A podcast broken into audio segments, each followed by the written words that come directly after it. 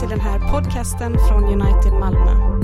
För mer information om oss besök uv.unitedmalmo.nu och följ oss på Twitter.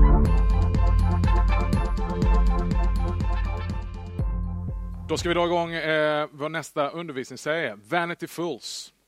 När vi fightas mot vår tumhet och eh, jagar efter vår lycka. Och vi ska gå igenom eh, predikan, boken Predikan ifrån Gamla Testamentet. Och eh, Predikan kan man ju säga är en filosofs drömbok. Predikan är en eh, bok som är väldigt speciell och man kan undra vad gör den i Bibeln? Men det finns en väldigt tydlig strategi och en tydlig intention bakom varför predikan är skriven, hur den är skriven och varför den finns i Bibeln. Författaren, som vi kommer sen gå in på och titta lite grann på, eh, anser tydligt kan vi säga att känna Gud och att tjäna honom, det är poängen med hela livet. Men här skriver han de första 11, nästan 12 kapitlen, ända till slutet av boken, så skriver han från ett perspektiv under solen. Och det betyder, vad menas med under solen? Jo, under solen, det är ett liv utan Gud. Det är ett liv när jag är lämnad till mig själv och till den skapelse som finns runt omkring mig och där jag ska försöka hitta mening och hitta ett syfte utan det som finns på andra sidan solen, det vill säga Gud. När jag har kopplat bort honom och existensen är helt upp till mig själv. Predikan, han eh, ställer dem eh, inte några nya frågor utan snarare de urgamla och de svåra frågorna, de stora frågorna. Hur vet vi vad vi vet? Och vad är meningen? Varför är vi här? Och vad är poängen? Det som vi skulle kunna kalla för de stora existentiella och universella frågorna. Även om inte alla av oss är professionella fulltidsfilosofer som eh, jämt sysslar med de abstrakta universella frågorna så stöter alla av oss på de här frågorna varje dag på en funktionell nivå. Det är inte alltid vi söker efter meningen med livet på en universell nivå eller en existentiell, existentiell nivå. Men vi gör det jämt på en funktionell nivå. Jag har aldrig träffat en person som säger jag vill inte att mitt liv ska betyda någonting. Jag vill att det ska vara helt meningslöst att leva. Det skulle säkert kunna vara underbart för en begränsad tid där det inte finns några konsekvenser av någonting jag gör och jag kan bara äta, dricka och vara glad och njuta av allt livet har att ge. Men risken är stor att baksmällan skulle bli desto större. Att ångesten skulle växa av ett sådant beteende. Det ser vi många bevis på. Nej, jag tror att vem vi än är, var vi än kommer ifrån, så drivs vi hela tiden av en fruktan att livet ska vara tomt och att det inte ska finnas någon mening att hitta. Vi är rädda för meningslöshet och längtar efter meningsfullhet. Vi vill inte att vårt liv ska vara tomt på mening utan snarare fullt av mening. Därför så fightas du och jag ständigt, var vi än kommer ifrån, vad vi än har för någon bakgrund, vad vi än tror på, så fightas vi mot den tumhet som ändå livet tycks bestå av. Fast vårt liv är fullt, fast vår kalender är full, fast vår plånbok är full, fast vårt hus är fullt, fast vår garderob är full, fast tanken i bilen är full, fast vårt Facebook-tidslinje är full av alla olika uppdateringar och kompisar och vänner och förfrågningar, så tycks ändå någonstans livet ändå gapa tomt. Fortfarande så jagar vi lycka. Vi ställer oss frågan varför har vi det inte bättre när vi har det så bra? Så jag skulle vilja säga frågan är inte om du och jag söker, utan frågan är var vi söker denna mening, denna lycka. Det som ska fylla oss med någon form av djupare tillfredsställelse. Söker vi utbildning, visdom, insikt, Kanske vi ger oss hän i arbete, projekt. Eller kanske vi försöker slå ihjäl tid med nöjen, underhållning. Kanske är det passioner, kanske det är positioner, kanske det är familj, kanske det är kärlek. C.S. Lewis, han sammanfattar det väldigt bra när han säger så här. Mänsklighetens historia är den långa, fruktansvärda historien om hur människan försöker hitta något annat än Gud som kan göra henne lycklig. Det är det predikan undervisar klart och kraftfullt om. Hur vi som människor har en historia av att försöka hitta mening och tillfredsställelse genom att skapa andra källor än vår skapare. För kom ihåg nu som jag sa att predikan är skriven från ett perspektiv under solen. Det vill säga att man inte tar hänsyn till att det finns en Gud på andra sidan solen. En Gud som står över allting annat. Utan bara söker i det som jag kan se och det som jag kan hantera och kontrollera här på jorden. Det är därför du och jag, vi skapar oss olika avgudar. Avgudar, vad är det för någonting? Ja, källor som vi vänder oss till, som vi hoppas och som vi litar på och som vi får trösta på att de ska kunna uppfylla våra tumma liv med någon sorts mening, någon sorts lycka, någon form av trygghet under solen utan Gud. Men alla dessa avgudar misslyckas fruktansvärt med att leverera det vi söker. De krossar våra förhoppningar och eh, grusar våra förväntningar och lämnar oss tummare än tidigare. Det är vår erfarenhet och det är Salomos erfarenhet. Fåfänglighet, förgänglighet och meningslöshet, det är ord som beskriver inte party party utan snarare besvikelse och desillusion. Och det är många kända tänkare, många duktiga filosofer och även vanliga människors erfarenhet av livet. Efter hård strävan och långt sökande, efter det goda livet, efter jakten på lycka, efter sökandet efter framgång och bekräftelse och självförverkligande, så står vi där och upptäcker igen en djupare nivå av tumhet och meningslöshet. Har du någon gång tänkt på det? Att innan vi gav oss in i det där projektet så fanns det i alla fall en gnutta förhoppning av att det där projektet, det där åtagandet, den där resan, det där äktenskapet, det där med att skaffa familj, skaffa barn, skaffa hund, skaffa hus. Det ska ändå på något sätt leverera någonting så att det fanns någon form av mening och någon sorts innehåll i livet så länge vi inte riktigt hade tagit oss an och gjort det där projektet färdigt. Men så många av oss kommer till slutet av våra olika projekt och säger, var detta allt? För 3000 år sedan så skrev kung Salomo ner de här insikterna. Och även om man kan tycka att det är ju väldigt gamla skrifter så är deras relevans för människor idag på 2000-talet häpnadsväckande. Det här är väldigt relevant. Och Det är precis som han skriver här i första kapitlet, att det finns ingenting nytt under solen. Det är samma frågor. Man brukar säga att grekerna var de första filosoferna som rörde vid de existentiella frågorna och kom med mycket visdom och insikt. Men kung Salomo, han är långt före de visa grekerna. 3000 år gammal skrift och den är träffsäker rakt in i ditt och mitt liv idag. Salomo, han eh, verkar ha utmärkta förutsättningar för att arbeta med de här typen av frågorna. Han skrev tre böcker i Bibeln. Ordspråksboken, Höga visan och så då den här boken Predikan. Han anses vara en av de absolut klokaste och kanske den mest rika som någonsin har levt. Han hade en flotta av fartyg som transporterade guld och ägodelar till honom dag efter dag. Han hade ett ständigt växande rike som han regerade över. Han eh, hade slott, han hade alla nöjen på en på en, hand, eh, på en armslängds avstånd och han hade 700 fruar och 300 bihustrur. Och det är verkligen idioti. Jag vet inte, du som man, om du känner liksom att du knappt räcker till för att fylla den känslomässiga behoven hos en kvinna, en fru.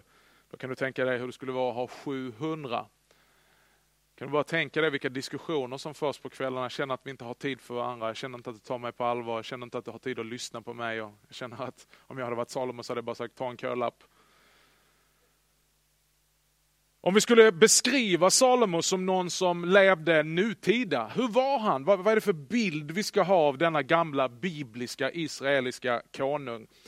Så tror jag att vi skulle kunna betrakta honom som en blandning mellan Albert Einstein, Bill Gates och Hugh Hefner.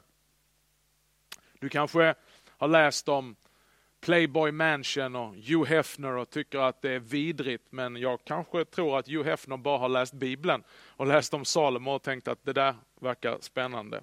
Ja, skämt åsido. Salomo visar sig ha ett intellektuell kapacitet som Einstein.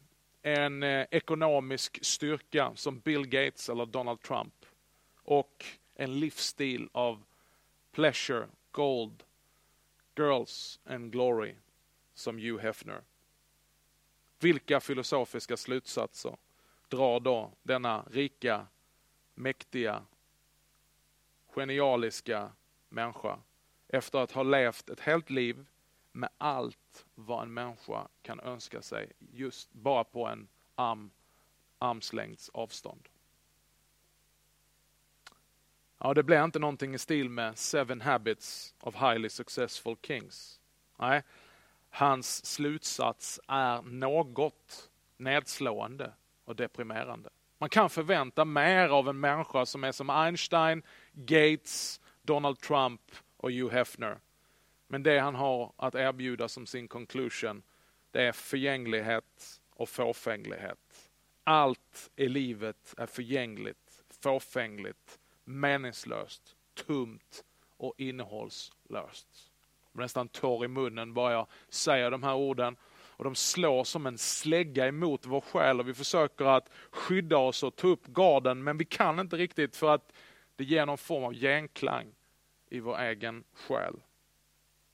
Vi har också tänkt, om detta är allt som finns, då är livet bara fåfänga, galenskap och meningslöshet. I predikan så tror jag att Gud använder Salomo för att uppenbara för oss vad livet är om Gud inte avslöjar för oss vad livet egentligen är. Hänger du med på det? Alltså i predikan så använder Gud Salomo att uppenbara för oss vad livet är om Gud inte avslöjar för oss vad livet egentligen är. Alltså ett liv under solen utan Gud. Om detta universum är obetydligt och meningslöst, ja, då betyder det ju att vi och det liv vi lever idag också är obetydligt och meningslöst. Och då kommer frågan, är detta verkligen allt som finns? Är detta allt vad livet handlar om? En drink till, en fest till, en till relation, ytterligare en grad till av utbildning. Ett till projekt, en till tusenlapp, en till bil, ett till hus, en till resa, en till, en till, en till. När tar det stopp? När är det nog? När har jag fått tillfredsställelse? När är jag tillräckligt glad? När ska det här vara? Eller tar allting bara slut och jag måste jaga nya bekräftelser? Predikan tvingar oss att djupt och allvarligt undersöka och utreda dessa frågor. Det måste finnas mer i livet än det vad vi har upplevt eller just nu upplever. Samtidigt är vi rädda. Vi är rädda för att det inte ska finnas någon mening. Rädda att vi inte ska upptäcka någon djupare anledning att existera. Man kan tycka när man börjar läsa första kapitlet i predikan att denna bok den är anmärkningsvärt deprimerande. Men grejen är att det är hela grejen med den här boken. Hela syftet och avsikten med den här boken det är att den ska vara anmärkningsvärt deprimerande. Det är att den ska väcka oss. Predikan ställer frågorna som resten av Bibeln svarar på. Predikan för oss till en punkt där vi är redo att ta emot de goda nyheterna om evangeliet. Men först måste vi möta desperationen i den här boken innan vi hittar befrielsen. Någon har sagt att eh, livet är som att skala lök. Du skalar av lager efter lager och du gråter medan du gör det. Det kan också låta lite depressivt och lite meningslöst. Men det är precis det som är vitsen med den här boken det är att vända ut och in på det som är en existens under solen och säga vad finns det för någon mening? Vad finns det för någon anledning att existera? om inte Gud finns, om inte det finns en skapare, om det inte finns en högre mening med allt som är till. Vad är då meningen? I predikan så möter vi mänskligheten och det är viktigt att säga i en fallen värld. Alltså inte i den världen som, så som den ursprungligen skapades att vara. Och inte i den världen som har upplevt återlösning och fullständig befrielse, den nya skapelsen. Utan we're in between a rock and a hard place. Det här är människan i synd och i sin fallenhet. Det här är mänskligheten utan Gud. Mellan världens skapelse och mellan hela världens räddning och pånyttfödelse. Predikan kan man sammanfatta och säga så här att vi är inte de vi brukade vara. Och vi är ännu inte de vi är tänkta att vara. Utan vi är i mitten. I synd. En fallen värld, en fallen mänsklighet. Vad gör då den här deprimerande boken i Bibeln? Ja, det är ju så med dig och mig att vi springer väldigt sällan till läkaren förrän vi har förstått att vi är allvarligt sjuka. Och den här boken den är avsedd att visa dig och mig att det livet som vi lever utan Gud är sjukt. Den här boken vill fylla oss med, håll i dig, förtvivlan. Och göra oss desperata så att det pushar oss till Jesus Kristus och till evangelium för att söka en mening utanför solen. Men innan vi gör det så kommer vi noggrant dammsuga tillvaron som finns under solen i ett liv utan Gud. Och vår expeditionsledare på den här upptäcktsfärden, det är en mycket dekorerad man. En man som har alla kvalifikationer att göra det här seriöst. Som har alla resurser och som har massor av erfarenheter och visdom. Kung Salomo. Han säger att för att ta reda på detta och för att ställa alla de svåra frågorna så gör han tester och experiment byggt på sitt eget liv och sina egna tillgångar för att se kan man finna mening i ett liv under solen utan Gud. Låt oss se vad han skriver i de första 15 verserna i första kapitlet. Det är där vi ska börja idag. Kapitel 1, vers 1-15. Ord av predikan, son till David, kung i Jerusalem. Förgänglighet och åter förgänglighet, säger predikan. Förgänglighet och åter förgänglighet, allt är förgängligt. Vad vinner en människa med all sin möda som hon gör sig under solen? Släkten kommer och släkten går, men jorden står evigt kvar. Solen går upp och solen går ner och skyndar sedan åter till den plats där den går upp. Vinden far mot söder och vind, vänder sig mot norr. Den vänder sig ständigt på sin färd och börjar sitt kretslopp på nytt igen. Floderna rinner ut i haven och ändå blir havet aldrig fullt. Dit floderna runnit förut rinner de åter. Allting är fullt av möda, människan kan inte beskriva det. Ögat blir inte mätt av att se och örat blir inte fullt av att höra. Det som har blivit gjort kommer göras igen och det som har hänt kommer hända igen. Det finns inget nytt under solen. Finns det något om vilket man säger detta är nytt, så har det redan funnits gamla tider som varit för oss. Ingen minns längre det som har skett förut. Inte heller ska det som sker här efter bli ihågkommet av den som kommer sen. Jag, predikan, var kung över hela Israel i Jerusalem. Jag inriktade mitt hjärta på att genom vishet begrunda och utforska allt som sker under himlen. Det är en usel möda som Gud har gett människors barn att plåga sig med. Jag såg allt som görs under solen och se allt är förgängligt och ett jagande efter vind. Det som är krokigt kan inte bli rakt och det som saknas kan inte räknas. Låt mig ge dig tre stycken punkter i hur vi ska hantera den här texten. Första punkten är, vad är frågan? Vad är det som är frågan som driver Salomon? Den kan vi se i vers 3. Vad vinner en människa med all sin möda som hon gör sig under solen? I vers 13 så säger han, jag inriktade mitt hjärta på att genom vishet begrunda utforska allt som sker under himlen. Så det här är projektet. Det här är frågan. Vad är meningen? What's the point?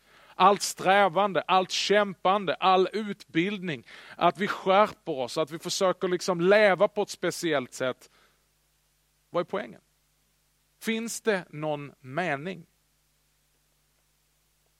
Det är ingen ny fråga. Det är ingen eh, sensationell fråga, utan det här är en grundläggande fråga. Och det här är kanske den verkliga oron för alla överallt. Det är den här frågan som har jagat mänskligheten i årtusenden. Den här boken är skriven för 3000 år sedan. Men det är den här frågan vi kan läsa på insändarsidan i ungdomstidningarna. Det är den här frågan som man diskuterar just nu på rummen till kuratorerna och terapeuterna. Det är den här frågan som just nu diskuteras i mängder av olika sammanhang. What's the point? Vad tjänar det till att leva, kämpa, sträva? Vad är meningen med livet? Vad är vinsten? Vad är poängen? Vilket värde får jag ut av det här? Hur kan jag få en djup känsla av ro, frid, tillfredsställelse? Någonting som håller i längden. Någonting som inte tar slut.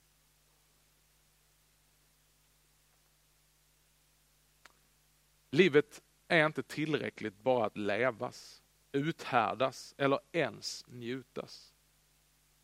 Alla söker ett högre syfte, en djupare mening. Att blott existera, det räcker inte för någon av oss. Det är ingen som är nöjd med det. Var glad, jag existerar. Det blir outhärdligt att existera om det inte finns någon mening att leva. Många stora tänkare har uttryckt sökandet efter mening och ibland också bristen på meningen med livet. Platon han sa, människan är en varelse på jakt efter mening. Viktor E. Frankl som satt som fånge i koncentrationsläger under nazisternas, eh, på 40-talet under, under världskriget hos nazisterna. Han säger att söka livets mening är den sannaste uttrycket av att vara människa. Alltså bara det att vi söker efter en mening är ett vittnesbörd om att vi är människor och människor skapade kanske av en skapare. Eftersom det visar sig längre fram i den här texten att vi är obotliga när det kommer till att söka en högre mening. Och det är faktiskt ett uttryck för att vara mänsklig. Det är alltså omänskligt att kunna existera utan att behöva en mening. Carl Jung, han sa så här.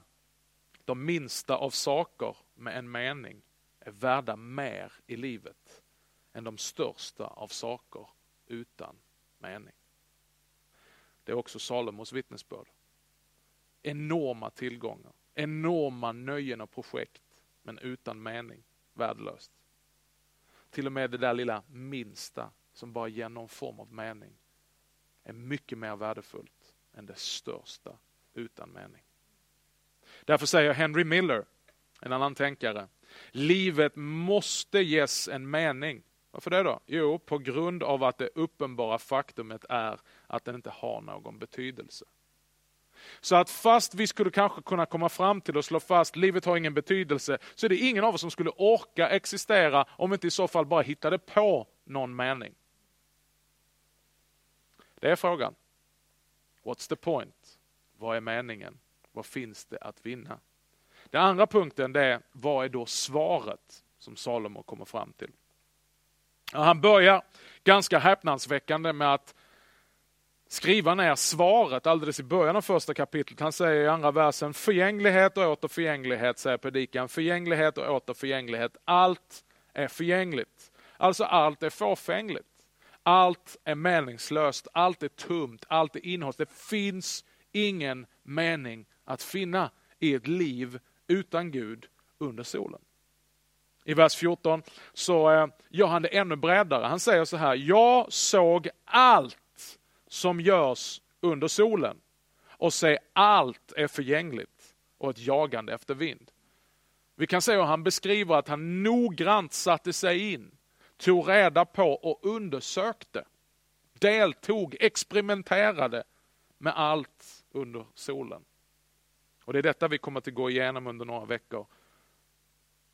Förgängligheten med tider och stunder. Förgängligheten med erövrande av olika saker. Förgängligheten i prylar, förgängligheten i nöjen, förgängligheten i i princip allt. Det är hans slutsats. Allt är meningslöst. Det är viktigt att säga när vi talar om Salomo, det är att det här är inte en man som är fattig. Det här är inte en man som har levt ett fruktansvärt liv. Det här är inte en man som är dum eller obildad. Det här är inte en man som aldrig har upplevt det goda livets nöjen och njutning, utan snarare tvärtom. Salomo hade verkligen allt och allt i överflöd. Ändå så är hans slutsats att om det inte finns något mer än det här, något ovanför solen, om det inte finns någon Gud, inget högre gudomligt syfte, ja då finns det absolut inget syfte, ingen mening och ingen tillfredsställelse att finna i livet under solen.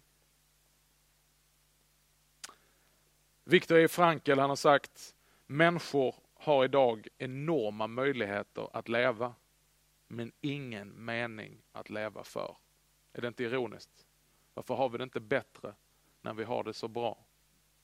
När vi kan gå in på närmsta dator, surfa och boka en biljett för knappt några pengar till andra sidan jorden.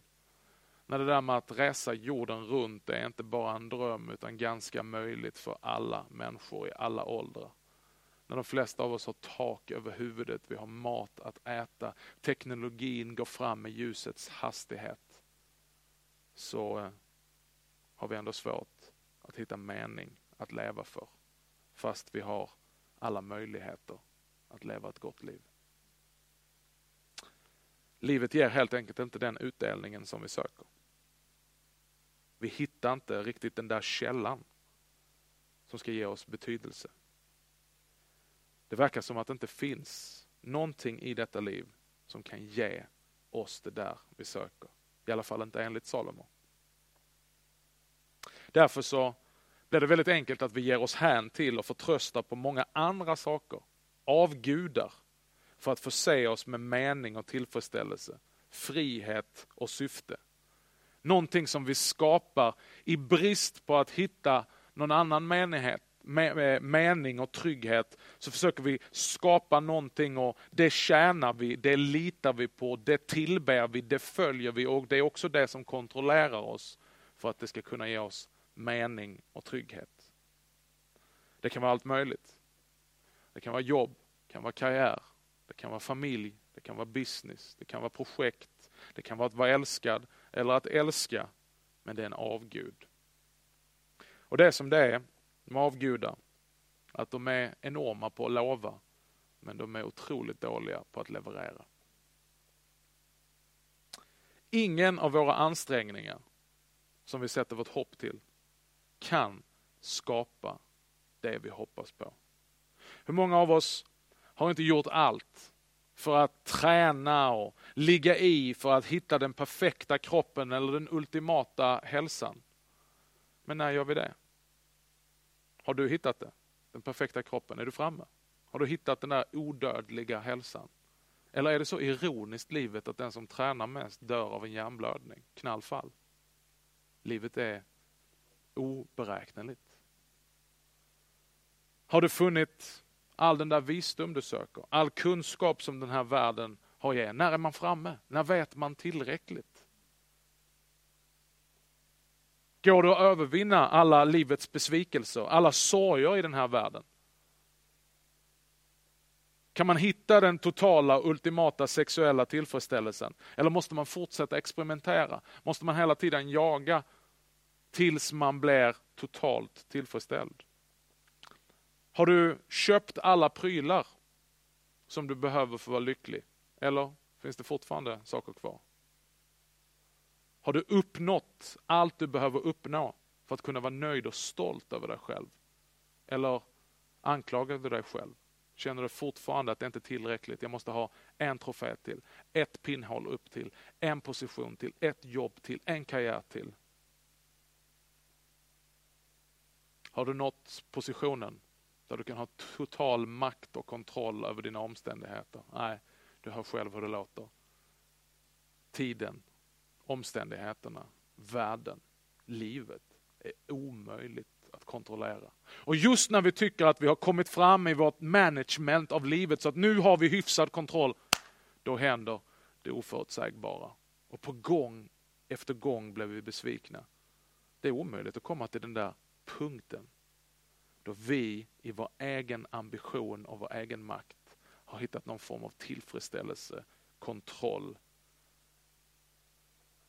eller fullständig glädje, ro eller frid.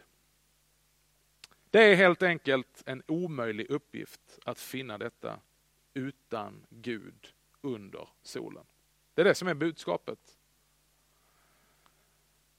Det är viktigt att säga att detta är inte den totala slutsatsen i predikan. Den slutgiltiga svaret på den här frågan, what's the point? Den kommer i slutet av boken.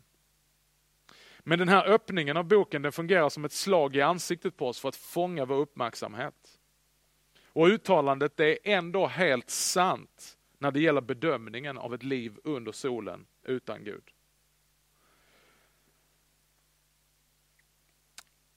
Den tredje punkten vi ska diskutera från texten, det är frågan varför. Om först, första punkten var vad är frågan? Vad handlar det om? Och frågan var vad är meningen med livet?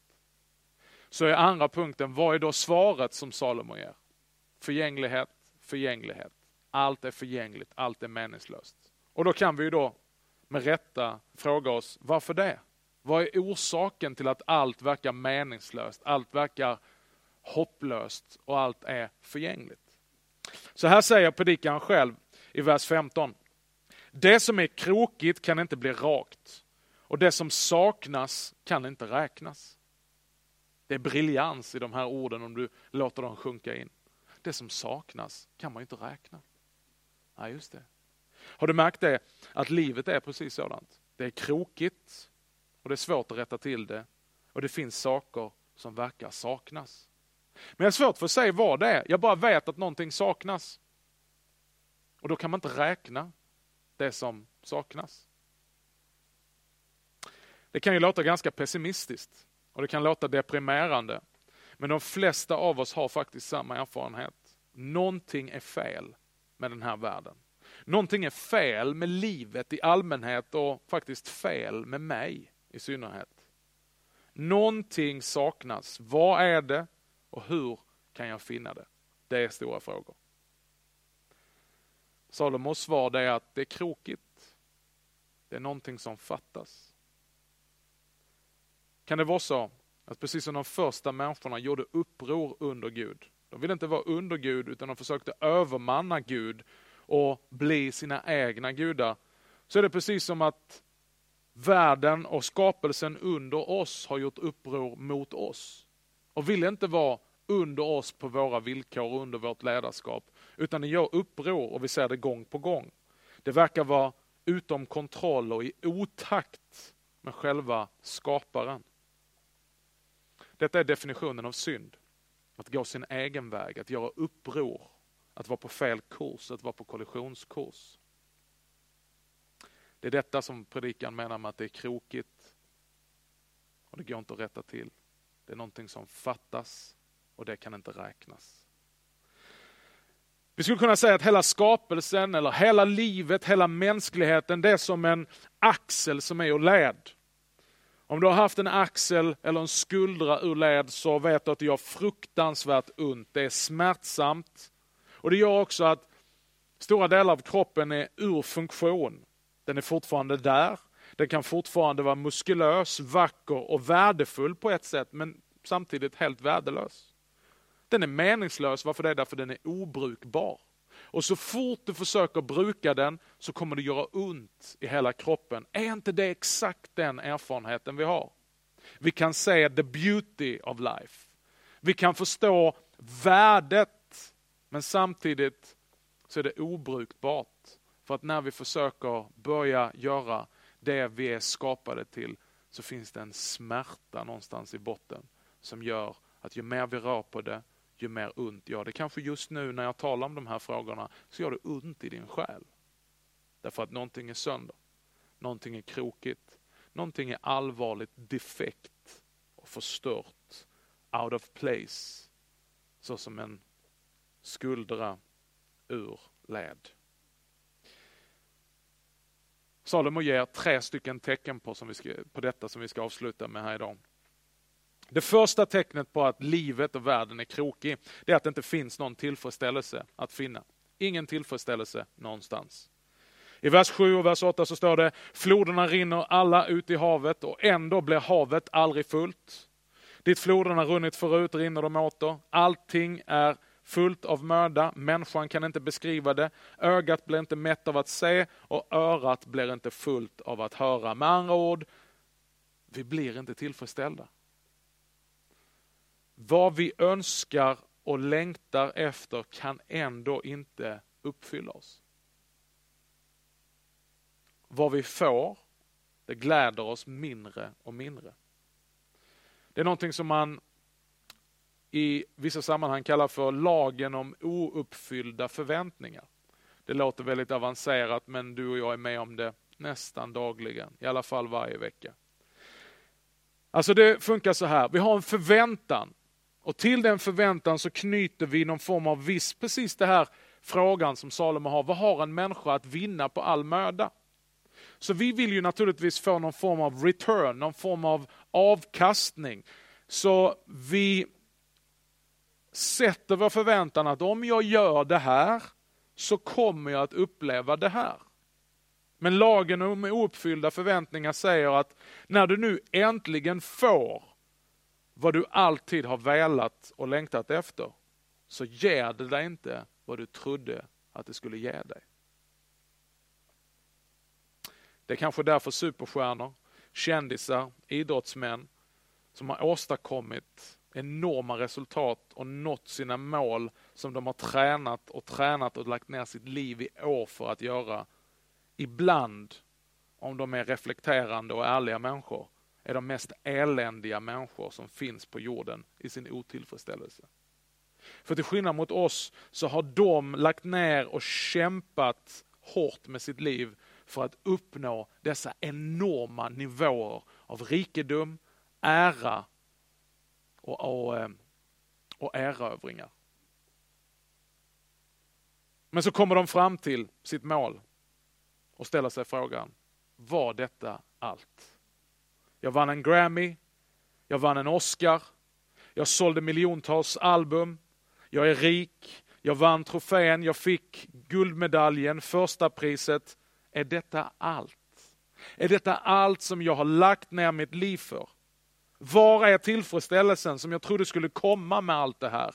Det är lagen om ouppfyllda förväntningar. Fast du och jag inte är superstjärnor eller idrottsmän på någon högre nivå i alla fall, så tror jag att vi i vårt vanliga vardagsliv möter detta gång på gång. De där ouppfyllda förväntningarna förväntan som jag hade på att när jag har gått ut min utbildning, när jag har fått min första jobb, när jag har bytt jobb, när jag har gift mig, när jag har skilt mig, när jag har fått barn, när barnen har växt upp och flyttat ut, när jag har gjort det där, när jag har gått ner 25 kilo, när jag har tränat. Var det allt? Lagen om uppfyllda förväntningar. Det finns en annan lag som också drabbar oss och som gör att det finns väldigt liten tillfredsställelse i livet. Det är lagen om avtagande avkastning, svårt ord, avtagande, alltså mindre och mindre avkastning, fast jag gör samma insats. Alltså vi skulle kunna enkelt säga att det finns saker i det här livet som är helt underbara. Saker som vi kan njuta av, saker som kan glädja oss. I alla fall gjorde de det innan. Allting kräver en viss form av insats. Men helt plötsligt efterhand så märker vi att det får inte samma effekt längre. Det kräver en högre insats. Det kräver en större dos. Och efter ett tag så får det nästan motsatt effekt. Det som en gång gladde oss, det som en gång gjorde livet spännande, det som en gång var någonting jag njöt av, det tråkar nu ut oss, det dränerar oss, det sliter på oss och det kan inte längre tillfredsställa oss. Allt i livet under solen utan Gud blir till slut slitsamt och tappar sin lyster. Var det det Mike Jagger hade fått reda på och insett i sitt rock'n'roll lifestyle. När han hade fyllt de största arenorna, varit med alla brudarna, rest till de olika städerna, fått all ära, gjort alla skivorna och så sjunger han I can't get no satisfaction. Och det finns en anledning. Kyrkofadern Augustinus påminde oss för länge sedan, redan på 300-talet, när han sammanfattar sin resa och sin omvändelse till Kristus, så skriver han ner denna bön. Gud, du har gjort oss för dig själv och därför är våra hjärtan rastlösa tills vi hittar vår ro i dig. Om vi söker efter ro, om vi söker efter mening, om vi söker efter tillfredsställelse någon annanstans så kommer vi inte att finna det. Snarare så kommer det sökandet och den förväntan att bli grusad. Den förhoppningen kommer snarare istället att krossa våra hjärtan. Ingen tillfredsställelse finns. Det andra tecknet som Salomo anger för att den här världen är krokig och ur balans, det är att det inte finns något nytt. Allting går hela tiden i cykler. Ingenting nytt, utan det är same same. Det känns som att vi fortfarande åker runt det där samma kvarteret. Vers 9 och 10 så säger han, det som har blivit gjort det kommer att göras igen. Det som har hänt kommer att hända igen. Det finns inget nytt under solen. Och finns det någonting om vilket man säger, detta är i alla fall nytt, så har det redan funnits i gamla tider och varit för oss. Vi har bara glömt det. Idag lever vi i en tid där uppfinningarna överskrider varandra. Tekniken och kreativiteten når nya landmärken. Människor går på månen och åker ut i rymden. Vi surfar på webben och vi klonar och manipulerar levande varelser. Men i allt detta nya finns egentligen ingenting nytt. Det är i princip samma sak, men lite mer avancerat. Lanseringen av tv och television för herrans många år sedan, vad är det, 50, 60, jag vet faktiskt inte, år sedan, tror jag skapade ännu mer hysteri än när Apple nu lanserar sin senaste produkt. Vi kan tycka att det är en fantastisk produkt, men egentligen så är det inte så stor skillnad.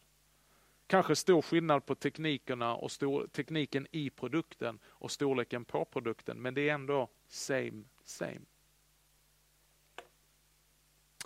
Det finns ett ordspråk som lyder, ju mer saker förändras, desto mer visar de sig vara detsamma.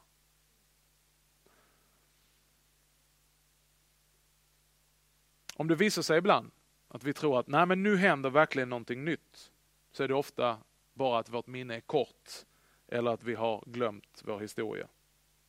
Vi misstar ofta aktivitet och rörelse för framsteg.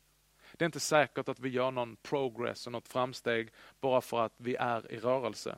Jag vet att jag har själv kört otaliga mil i min bil och befunnit mig i rörelse. Det har bara visat sig att jag inte har gjort några framsteg utan snarare har jag tagit mig längre och längre ifrån det verkliga målet. Rörelse och aktivitet är inte samma sak som framsteg. Visst rör sig världen, visst, visst rör sig utvecklingen, men frågan du och jag måste ställa oss, är det verkligen någonting nytt? Är det inte samma gamla frågor samma gamla otillfredsställelse som gör att vi måste uppfinna det som tycks vara nytt men som egentligen bara är uttryck för det där gamla behovet av trygghet, säkerhet och plastig, konstgjord tillfredsställelse och spänning. Samma sak när det gäller religion. De flesta religioner, det är samma samma. Samma gamla omöjliga moralistiska beteendemodifiering. Det kanske har ett nytt namn, det kanske har en ny form, Men det är samma gamla koncept bakom. Gör rätt så blir du belönad, gör fel så blir du bestraffad. Du kan plocka vilken bok du vill av tänkarna, de andliga och de eh, existentiella tänkarna utanför kristendomen som på något sätt liksom visar hur vi ska kunna finna ro i livet. En av de senaste böckerna som jag hörde citerat, där säger författaren det här, väldigt profound. Jag har lösningen på hur vi ska kunna komma ur jordens och skapelsens ekorrhjul av meningslöshet. Vi behöver pånyttföda oss själva. Wow, det låter nästan bibliskt. Men det är samma gamla svåra koncept bakom. Ja, det är ju inget nytt i det. Den stora frågan jag har till den författaren är, hur gör man det? Hur föder man sig själv på nytt? Nej, vi hemsöks fortfarande av samma gamla frågor. Vi drivs fortfarande av samma gamla ambitioner och vi väntar fortfarande på samma svar. Ingenting banbrytande har hänt när det gäller meningen med livet. Frågan för Salomo 3000 år sedan är den samma frågan för oss idag 2012. Vad är poängen? Vad är meningen? Sista punkten. Vad är sista tecknet på att saker och ting är krokigt, ur led och ur balans? Ingen blir ihågkommet. Allt är förgängligt. Allt passerar revy. I elfte versen så säger predikan, ingen minns längre det som har skett förut. Inte heller ska det som sker hädanefter bli ihågkommet av dem som kommer sedan. Det här behöver inte gå längre än till sportsidorna för att få bekräftat. Det krävs bara en skada eller en dålig säsong för att man ska bli bortglömd i sportvärlden eller för den stora allmänheten. Välkända namn ersätts snabbt av nya namn. Det är liksom inte på något sätt nog för oss med en gammal stjärna, utan vi söker redan efter den nye Zlatan. Hundra år från nu, och det är väldigt få som kommer till att sitta och tänka på dig. Tufft, men sant. Det är både goda och dåliga nyheter i detta. De goda nyheterna det är för de människor som oroar sig så otroligt mycket för vad andra ska tycka om dem. Ja, det är goda nyheter för dig. Att i slutändan är det ingen som överhuvudtaget kommer till att tänka på dig eller komma ihåg vad du gjorde. De dåliga nyheterna, det är för oss som söker någon typ av odödlighet och som vill lämna eviga avtryck i historien. Det är samma för oss. I slutändan kommer ingen att varken tänka på eller bry sig om oss. Vi kommer, vi existerar och sen är vi borta. Och borta med oss är också de insatser vi har gjort. Jag vill inte förminska det här med att förändra världen och make a difference. Men till och med de största difference makers, de försvinner snabbt. Har du någon gång tänkt på hur länge är det nu Steve Jobs har varit död? Har du märkt hur otroligt lite vi idag refererar till honom? Men att världen verkar fortsätta precis som den inte märkt någonting. Steve Jobs är borta, Apple är kvar, världen är kvar och rullar på som vanligt. Sorgligt, men ett faktum. När du och jag dör så kommer det att vara en begravning. Vi kan ha 25 gäster eller 2000 gäster. Det kan vara en fattigmans begravning eller en statsmanna, statsmannabegravning. Men vet du vad? Det är inte så stor skillnad på de där begravningarna. Dina vänner och dina gäster på din begravning, de kommer att lämna den där timmen i kyrkan. De kommer kanske till att samlas utan dig för att äta lunch, skratta och tala om gamla minnen. De kommer skynda sig tillbaka till arbetet och avlösa de som täckte för dem så de kunde få fritt. På kvällen kommer de till att sitta med sina familjer i sina hem, se någon gammal tråkig repris av en sitcom-serie, lägga sig, sova gott och livet kommer att gå vidare och efterhand så är du ett distant memory. Är du redo för det? Är du redo för att leva ett liv där du inser att det kommer att ta slut? Och när det tar slut så kommer också minnena, beroendet och ihågkomsten av dig sakta men säkert fade away. Mark Twain hade rätt. Han sa, världen kommer sörja oss i en timme, sedan kommer de glömma oss för evigt. Låt mig avsluta. Kanske den här predikan, kanske det här första kapitlet i predikan får dig att känna det extra tumt och svårt. Och det är bra. Då har både jag och Salomo lyckats med vår föresats. Det är precis det som Salomo vill åstadkomma. Han vill att du och jag ska känna en överväldigande känsla av tumhet. För tumheten är utformad för att dra oss till Gud. Vi måste lära oss att värdera tumhet på ett rätt sätt, precis som en tum kopp eller tumt glas inbjuder oss att fylla det med någonting. Precis som ett tumt vakant rum ger oss möjlighet att kliva in i det och fylla det med vår närvaro, så är också ett tumt hjärta det som kommer till att driva oss till att finna Gud och det som är hans mening med vårt liv. Det är först när vi inser att vi är helt vilse som vi börjar fråga om vägen. Det är först när vi förstår att vi är syndare, att vi är out of touch and out of step, i otakt med vår skapare och vårt gudomliga syfte. Det är först när vi förstår att vi är som en axel ur led som bara smärtar när vi rör på den. Det är först då som vi kommer till att söka oss till vårt ursprung och söka oss bortanför, ovanför solen för att försonas med Gud och söka efter hans räddning från vår synd och från vårt uppror och från vår meningslöshet. Livet under solen som du och jag lever utan Gud, det är och kommer att vara krokigt.